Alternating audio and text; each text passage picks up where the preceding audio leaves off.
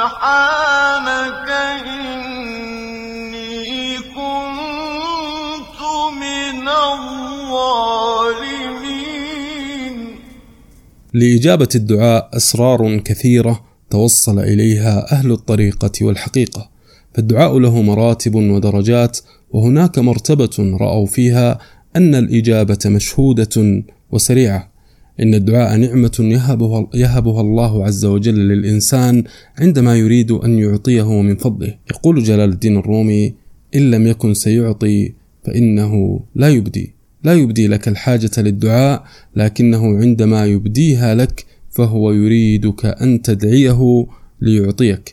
إن أجمل الثمرات التي يجنيها الإنسان من الدعاء هي علمه بأن هناك من يسمعه ويرحمه واستشعاره أنه ليس وحيدا. فالدعاء بحد ذاته له لذة خاصة فحين تناجي محبوبك معتقدا أنه يسمعك فتلك هي الراحة والسكينة. والقرآن مليء بالقصص التي تدل على أسرار وطرق الاستجابة ومن تلك الأسرار أن يشعر الإنسان بالاضطرار والعجز التام عندما يدعو. يقول بديع الزمان النورسي رحمه الله إن الدعاء سر من أسرار العبودية.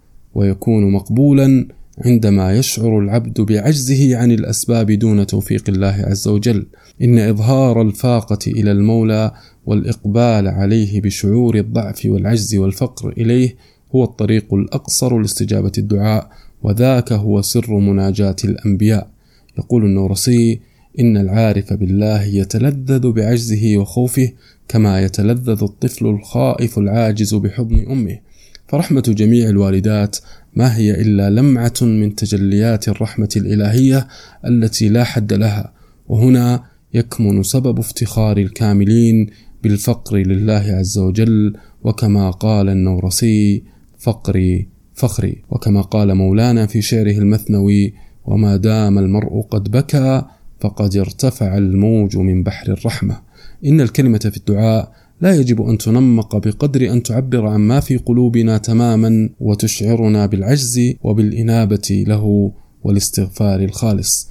تأمل في هدي السنة عند خروج الناس لصلاة الاستسقاء حيث يؤخذ الأطفال والكبار وكبار السن إلى ساحة الدعاء وتقلب الملابس ويظهر الإنسان بلغة الحال ما يعانيه من فقر وفاقة وعجز.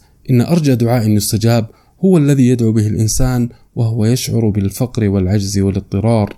فتأمل قصة يونس ففيها عبر ودروس عندما دعا وهو في بطن الحوت. يتحدث النورسي عن هذه القصة ويقول عندما ألقي بيونس في البحر في ظلمات الليل البهيم والتقمه الحوت وانقطع أمامه الرجاء والأمل تضرع قائلا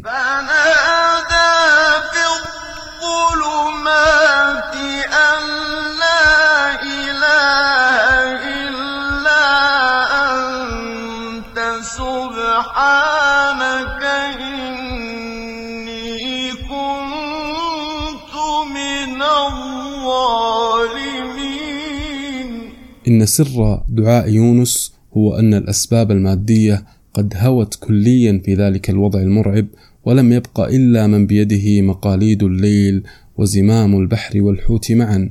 فما إن وصل عليه السلام إلى مرحلة اليقين والإضطرار بأن لا ملجأ له من أمره تعالى إلا اللوذ إليه حتى كشف الله عز وجل له سر الأحدية وسخر له قدرته التي حولت بطن الحوت المظلم إلى غواصة أمينة هادئة وأصبح ذلك البحر الهائج آمنا هادئا وهكذا غدت كل تلك المخلوقات التي كانت تهدده وترعبه من كل صوب تسفر له عن وجه الصداقة وتتقرب إليه بالود والحنان حتى خرج إلى شاطئ السلامة وشاهد لطف الرب الرحيم تحت شجرة اليقطين. وأيوب إذ نادى ربه أني مسني الضر أني مسني الضر وأنت أرحم الراحمين. فاستجبنا له فكشفنا ما به من ضر وآتيناه أهله ومثلهم معهم رحمة من عندنا رحمة من عندنا وذكرى للعابدين. هناك أسباب أخرى لاستجابة الدعاء تنبه إليها الأولياء فمنها أن يرتبط الدعاء والإلحاح فيه باحتياجات الإنسان الفطرية كالغذاء والزواج وغيرها. فهذه الأمور عندما ترتبط بالدعاء فهي أقرب ما تكون إلى الإجابة. فقال رب إني لما أنزلت إلي من خير فقير. ومنها أن يبدأ المؤمن الدعاء بالاستغفار والصلاة على خير البشر ثم يختمه بالصلاة عليه أيضا فدعاء وسط دعائين مجابين يكون مجابا كما قيل بشرط الإخلاص وحضور القلب. إن أرجى دعاء وأعجله استجابة هو الدعاء الذي يدعو به المؤمن وهو يشعر بالاضطرار والخوف والعجز والفاقة إلى الكريم وعلى قدر الشعور بالاضطرار تكون سرعة الاستجابة.